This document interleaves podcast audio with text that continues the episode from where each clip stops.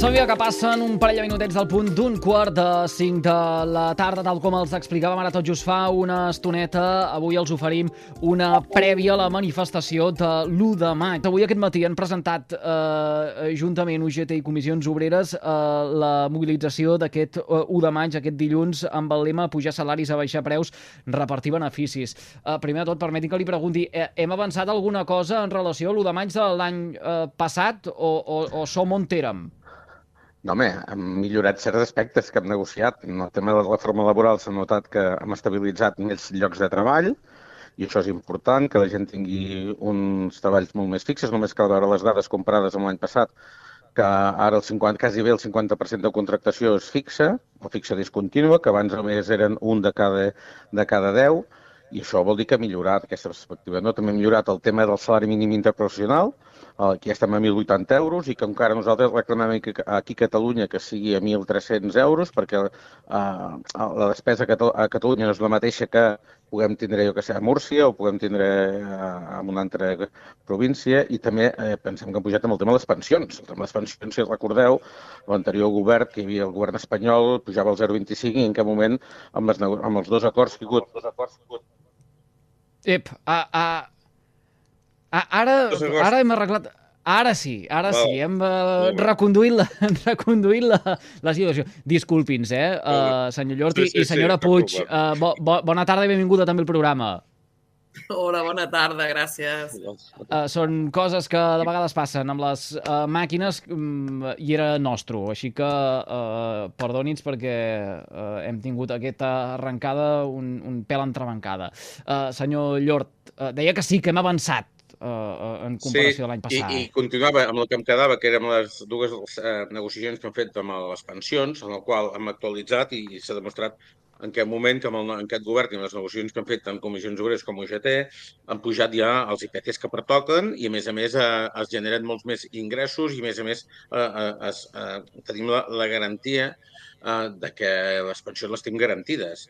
Vull dir, aquest discurs fals que no hi haurà diners per les pensions és totalment mentida. Hi ha diners per les pensions perquè hi havia un problema amb el tema de les pensions, que pagaven moltes coses que no eren pensions. I això en generava un dèficit. En què moment el govern hi posa diners perquè tot el que no eren pensions ho vull pagar i les pensions ja, ja, ja, ja, ja són... Ja, ja, a més a més, s'ha demostrat, vull dir, ja es paguen els atrasaments, es paguen els IPCs i, i, és, i estan al dia. Uh, en tot cas, malgrat haver avançat, com ara uh, vostè ens explicava, senyora Puig, avui en uh, la presentació que han fet de cara a aquest 1 de maig, han insinuat o han amenaçat en uh, la possibilitat d'una tardor calenta si no s'aconsegueixen millores i desbloquejar alguns uh, convenis. Uh, ho avançam ara també tot just fa un momentet. Doncs sí, doncs sí, perquè l'any passat vam fer una campanya que, que vam començar, que era salari o conflicte, no?, Eh, amb aquesta campanya vam iniciar el 2022, que és on, on reclamaven ja les pujades salarials, no? que, que veiem necessàries per la inflació i per com estava to, anant tot. I llavors aquest any ens queden convenis penjats, com molt bé hem parlat avui, de que són convenis que són més petits, els convenis més grans hem, hem aconseguit poder arribar a aquests acords i pujades salarials, però ens queden convenis d'on la majoria de gent, a més, els salaris són són baixos els salaris d'aquesta gent. Llavors ens queden aquests, aquests convenis encara que no hem aconseguit allò, llavors a la tardor haurem de seguir, si no s'acaben desbloquejant, haurem de seguir manifestant-nos. Com es negocia? Uh, com s'avança en aquest sentit, senyora Puig, uh, tenint en compte que uh, estem parlant d'uns reptes uh, fins ara, doncs, escoltats en certa manera, però uh, alhora també um, obviant les reivindicacions de, de, de, dels sindicats?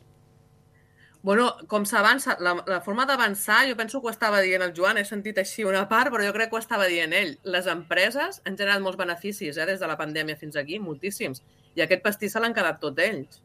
No han fet ni una sola repartició cap als treballadors i treballadores que tenim d'aquest país. Llavors, aquests beneficis estan en algun lloc. On estan? A les butxaques de tots els empresaris i les empresàries. Aquest és l'avenç que nosaltres estem reclamant i reivindicant aquest 1 de maig també. Eh? Que al final tots aquesta, aquestes, aquests diners han d'anar aquí. Sí que les administracions també tenen un, un joc a fer aquí, que és que a totes les taules que tenim de concertació social i nosaltres des dels sindicats ho estem dient contínuament, que poden millorar encara més les condicions de vida de tothom. Eh? Mm. Senyor Llort, uh, l'administració quin paper té? Perquè avui uh, vostè denunciava també uh, el fet que uh, l'administració pública externalitzi serveis quan el que convindria és que passés totalment al contrari. Sí, jo manifestava avui, ja fa temps que ho estic manifestant, que cada administració té les seves competències i, a més a més, tothom reclama les competències, no? Jo penso que si les administracions siguin locals, autonòmiques o estatals reclamen competències, les han d'assumir el 100%. El que no pot ser és que les externalitzin perquè externalitzar serveis públics al final és degradar les condicions eh, laborals pels treballadors i també pels usuaris, de, eh, de, de, o sigui, baixar el nivell que se'ls dona d'atenció als usuaris. No? I això és un aspecte important, perquè al final també les empreses que gestionen aquests serveis, que estan externalitzats d'aquest volum de diners, s'emporten un benefici i aquest benefici surt dels nostres impostos. Per tant, eh, jo penso que les administracions han de ser responsables i els seus eh, les seves compromisos que tenen de gestió, que els hi correspon, les han de saber gestionar ells i no externalitzar-les, perquè es treuen un pes del damunt que al final que degrada és les condicions de treball dels treballadors i dels usuaris. I, don, i donem al final un mal servei també a la ciutadania que paga els impostos. Mm, fem referència a sanitat, fem referència al tercer sector, fem referència a, a ensenyament. A, els reptes són majúsculs. Eh, hi ha la voluntat per part de l'administració, precisament, de uh, seure i avançar en aquesta matèria? Mm, aquesta és la impressió que ens donem que no. I us ho dic així de clar, no? Tenim un conseller, en aquest cas, quan parlem d'ensenyament, un conseller d'ensenyament de, de, que imposa que no entre a, a, a sentar-se en una taula per negociar ni horaris, ni jornades, ni, ni com revertim la falta de professors. Penseu que fa falta professors en matemàtiques, en català a Catalunya, no? Ja no es parlo de l'FP, que fa falta molts professors. L'any passat se van quedar entre 8 i 10.000 estudiants sense poder entrar a l'FP a Catalunya. Ens passa al sector sanitari. El sector sanitari les facultats de Medicina i Enfermeria estan plenes a patar els, els últims 20 anys. I diem que falten metges. Falten metges per què? Perquè, bàsicament, o, o enfermeres, perquè les condicions salarials i laborals eh, són molt baixes i la gent ens marxa. Ens costa un capital formals i després ens marxen del país i hem de buscar gent en altres països que els han de formar i quan estan formats també ens marxen. Per tant, hem de ser capaços i ser conscients. Jo sempre dic una cosa els, el, a, que hi ha eleccions municipals, el primer ple que hi haurà del nou Ajuntament, si no el primer, el segon, se posaran els sous, els polítics, no? Es posaran els sous. Sí. Han de, han de ser capaços de visualitzar que tots aquests treballadors de la funció pública també es mereixen uns sous dignes perquè, perquè no es puguin marxar perquè no es puguin marxar del Ferís, que, que al final estem pagant nosaltres els impostos i, i per això, el que et deia abans, internalitzar serveis i que cadascú assumeixi les seves competències déu nhi uh, aquí hi ha molta feina a fer. No sé si serà el primer, el, ple, el primer ple diria que és el de Constitució dels Ajuntaments per uh, vols de, uh, el, el 10 o l'11 de juny. Després ja vindran els del Cartipàs i segurament que, que serà aquí, eh, senyor, senyor Llor. Veia que anava dient que sí, senyora Puig. Sí, sí. Doncs sí, perquè tenim un problema amb les administracions, no? Sí que és veritat que enguany, no? i això ho diem també, eh? ho hem dit, que que el govern de la Generalitat ha fet els pressupostos on més, de, més destina no? diners a tot el tema públic, però és insuficient, eh? perquè venim de molts anys de retallades, és que venim de moltes coses que, i al final és insuficient eh, i veiem eh, molt, molt, molt insuficient tot, tot, tot, tot el que s'està fent i tot el que s'està avançant. Eh? I l'administració pública està molt tocada ara mateix. Eh? I sí que hi ha molts diners invertits, però encara se n'ha d'invertir més, perquè la classe treballadora encara ho està passant molt malament. Eh? Creuen que eh, precisament les administracions o, o abans parlaven de les empreses, no? la capacitat de, de, de poder repartir els beneficis que hi ha hagut durant la, la pandèmia, aquest pastís que eh, fins ara s'ha quedat, doncs, en aquest cas, eh, eh el, el, el sector eh, privat, eh, l'administració pública és capaç, té prou capacitat econòmica per fer això, per precisament eh, pujar eh, salaris, donat en, eh, com es troba i en què eh, les polítiques de vegades fins i tot s'arriba a insinuar que no arriben a ser d'esquerres quan hi ha el govern més d'esquerres que hi pot haver, o així és com s'autodenomina? Bueno, és, és, és, és complicat, no? Tot és un volum de gestió. Jo penso que el que primer... Mira, i avui el de matí, ara vindran unes eleccions municipals i si mires el programa electoral que fan, que ja no, quasi que no se'n fan, si pogués comparar amb els últims quatre anys, mm, quasi bé eh, podríem copiar el mateix programa, no? I, I això et demostra que, tot parlant de pressupostos, també és important l'execució dels pressupostos, perquè quan analitzes eh, la, eh, els pressupostos que s'aproven, després te'n dones compte que no s'executen el que hi havia pressupostat. I aquí hi ha un altre problema, eh, de, de, de deixar d'invertir de, de, i de fer les previsions. Jo penso que ens falten eh, bons gestors per part de l'administració, no? que en gestionen els diners i que els sàpiguen gestionar bé. És molt senzill externalitzar perquè després no tregui un benefici. Em trec el problema del damunt. No, no. Tu has de, si et presentes és per assumir les teves responsabilitats, els teus compromisos amb la societat i donar un servei a la teva ciutadania. I aquest és un valor que nosaltres li hem de donar. I nosaltres ens trobem moltes problemàtiques, no? I al matí ho dèiem. El tema dels accidents laborals, que al matí ho deia la Mercè, i, i que tenim una problemàtica més de quasi bé 12.000 accidents laborals a la nostra província i que ens falten mm. mitjans, ens falten recursos, ens falten inspeccions de treball. Les empreses no han assumit després de, de, de, de la llei del 95 no han assumit la responsabilitat de que tindre un treballador amb accident laboral és una problemàtica que se'ls genera a ells. I les empreses, mm, doncs en cap moment eh, n'hi ha, intenten fer bé, però n'hi ha moltíssimes que no. La prova és la, la dada, aquesta dada que et doc, no? De fet, aquestes dades les coneixíem precisament fa un parell o tres de dies eh, i eren espantoses, eh, els accidents de treball, sobretot també les eh, morts que hi havia en eh, l'àmbit eh, laboral. Per cert, que en relació a això, la plantilla d'inspecció de, de, de, de treball, eh, eh, avui al matí eh, penso que exposaven que n'hi havia una vintena, però que convindria que fossin el doble, senyora Puig? Sí, sí, això ho ha dit el Joan aquest matí i ho dit, i ho ha dit clarament. Jo penso que això és una reivindicació que portem, jo no sé el Joan, però jo crec que portem un any o dos reivindicant lo mateix. Eh? I ho hem dit a tots els, els nivells, eh? a la inspecció, a les administracions, ho hem dit a tothom. Perquè realment, això ho explicàvem aquest matí, quan eh, fan campanyes, han fet la campanya del plan d'igualtat, de les registres de jornada, quan fan aquestes campanyes, al final no s'arriba a totes les empreses. Perquè sí que hi ha una vintena d'inspectors, però realment, eh, si, eh, si veiéssim la feina que tenen als seus despatxos, és, és, és, és increïble. Tenen molts expedients. Moltes vegades va molt retrasada la inspecció. Quan nosaltres posem denúncies, va molt retrasada la inspecció, però és aquest el problema que tenim, que tenim pocs inspectors per donar-li sortida a tot. Han de fer les campanyes, han de fer les denúncies, han de fer un munt de tasques que tenen acumulades i no hi ha manera, ja portem per almenys dos anys denunciant aquesta situació i no hi ha hagut manera de poder solucionar-ho. En aquest sentit, eh, hi ha qui s'acomoda? És a dir, el pensar que o el eh, conèixer que hi ha pocs eh, inspectors eh, relaxar-se a l'hora d'implementar aquestes polítiques en favor del treballador? I, i a mi la impressió que no s'ho creuen, no? O sigui, la impressió que els empresaris no s'ho creuen. No es creuen el tema de l'igualtat, perquè ja tenim els plans d'igualtat que haurien de ser d'obligat compliment ja per llei tindre'ls a les empreses de més de 50 treballadors i només hi ha un 20% d'empreses que ho tinguin. Vull dir, I amb el tema de la prevenció passa tres quarts del mateix. Vull dir, són elements importants que no s'ho acaben de creure. I llavors, quan tenen un accident laboral, llavors si tots van de pressa perquè ui, tindrà una inspecció i, i, aviam, i, i que hem fet malament. La prova més evident és que a vegades nosaltres, i quedo sorprès, de vegades veiem empreses, on anem amb empreses en el qual hi ha un gran cartell que posa durant un, dos, tres anys zero accidents, no?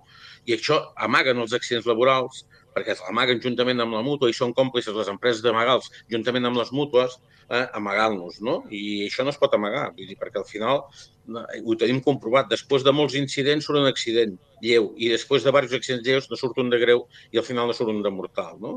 Desgraciadament. I aquesta és la realitat que, que vivim cada dia. I tenim un altre problema a la nostra marcació, que és el tema de l'ICAM, de l'Institut d'Avaluacions Mèdiques, de, de, que, que eh, hi ha un, un percentatge molt elevat de gent que sense passar pel tribunal mèdic els donen d'alta i són gent que de vegades tenen dificultats en anar a treballar. No? I aquí tenim un problema també eh, molt greu perquè no es caben, no, o no s'hi posen prou recursos a l'Institut Català d'Avaluacions Mèdiques perquè no poden eh, eh, fer tot el servei que s'hauria de donar i tenim un problema déu nhi uh, senyor Llor, deia que havíem avançat, uh, sí hem avançat, però uh, de feina fins encara n'hi ha moltíssima, eh? Uh, trobo, escoltin una cosa, els vull preguntar per les dades de l'atur que coneixíem també uh, tot just uh, fa uh, un dia, una taxa d'atur que ha pujat dos punts al Camp de Tarragona i les Terres de l'Ebre i que se situa uh, pràcticament al 12% en el primer trimestre de l'any. De fet, l'enquesta de població activa havia registrat un 9,8% d'atur en l'últim període del 2022 per sota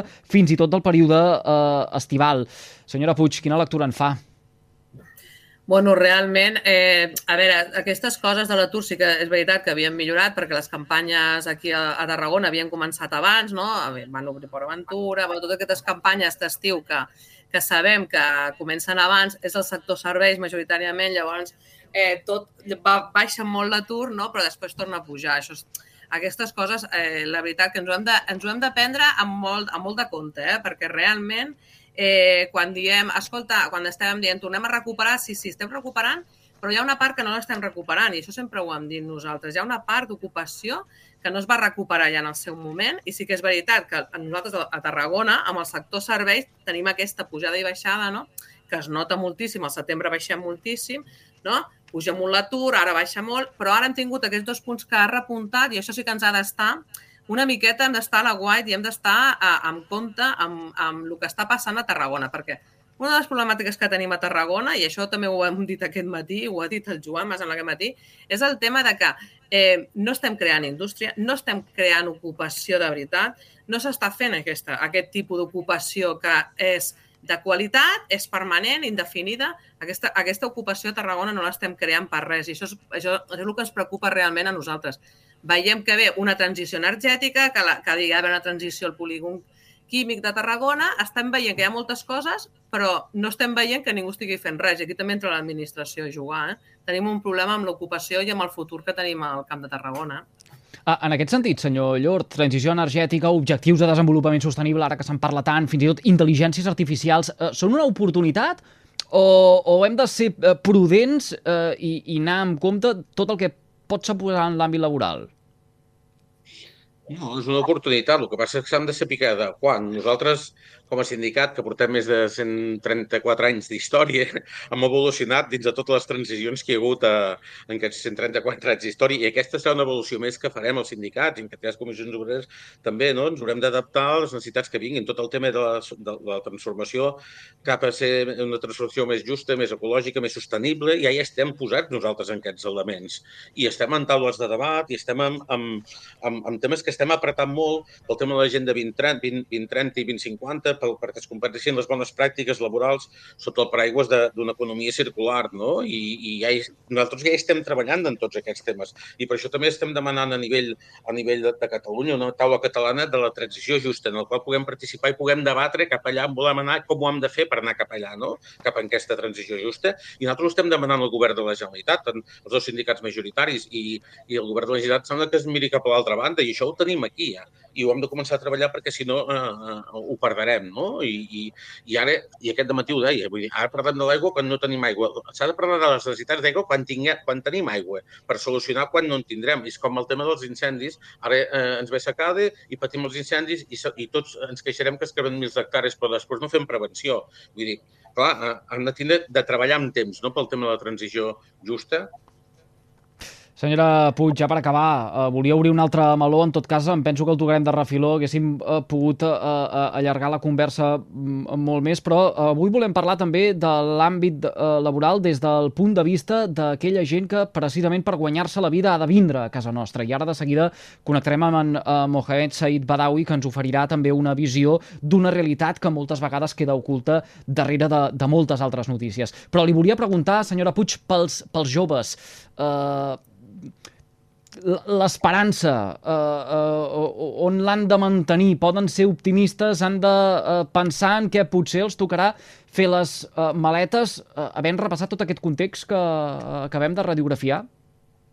Bueno, esperem que no, eh? Esperem que no tinguin que fer les maletes. No haurien de tinguer per què fer les maletes si es fessin bé les polítiques, perquè tenim un problema. El Joan ja estava parlant abans de que ens, se'ns van tota, tota, aquesta, tota aquesta gent que està molt formada, no?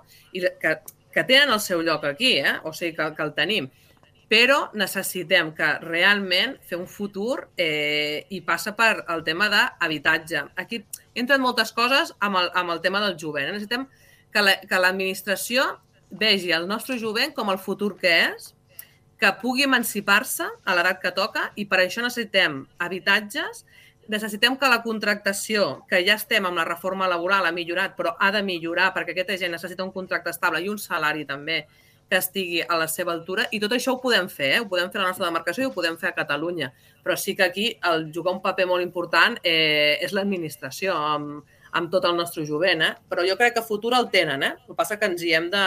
Les empreses i l'administració, aquí sí que s'ha de posar molt les piles per reactivar-ho ja. Joan Llor, secretari general de l'UGT a Tarragona i Mercè Puig, secretària general de Comissions Obreres també a Tarragona. Agraïts que una vegada més ens hagin fet eh, confiança, com dèiem. Eh, L'1 de maig la reivindicació és a pujar salaris, a baixar preus, repartir eh, beneficis. En parlarem, eh, serà ja eh, dimarts quan en eh, farem la crònica nosaltres aquí a Carrer Major, al programa de les ràdios de la xarxa al Camp de Tarragona. Molt agraïts, que vagi molt bé. Fins la propera. Molt bé, ens veiem dilluns a les 12 del migdia a la plaça Imperial de Raco per sortir a, a demanar aquesta pujada de salaris i que baixin els preus i es repartir beneficis. Moltes gràcies.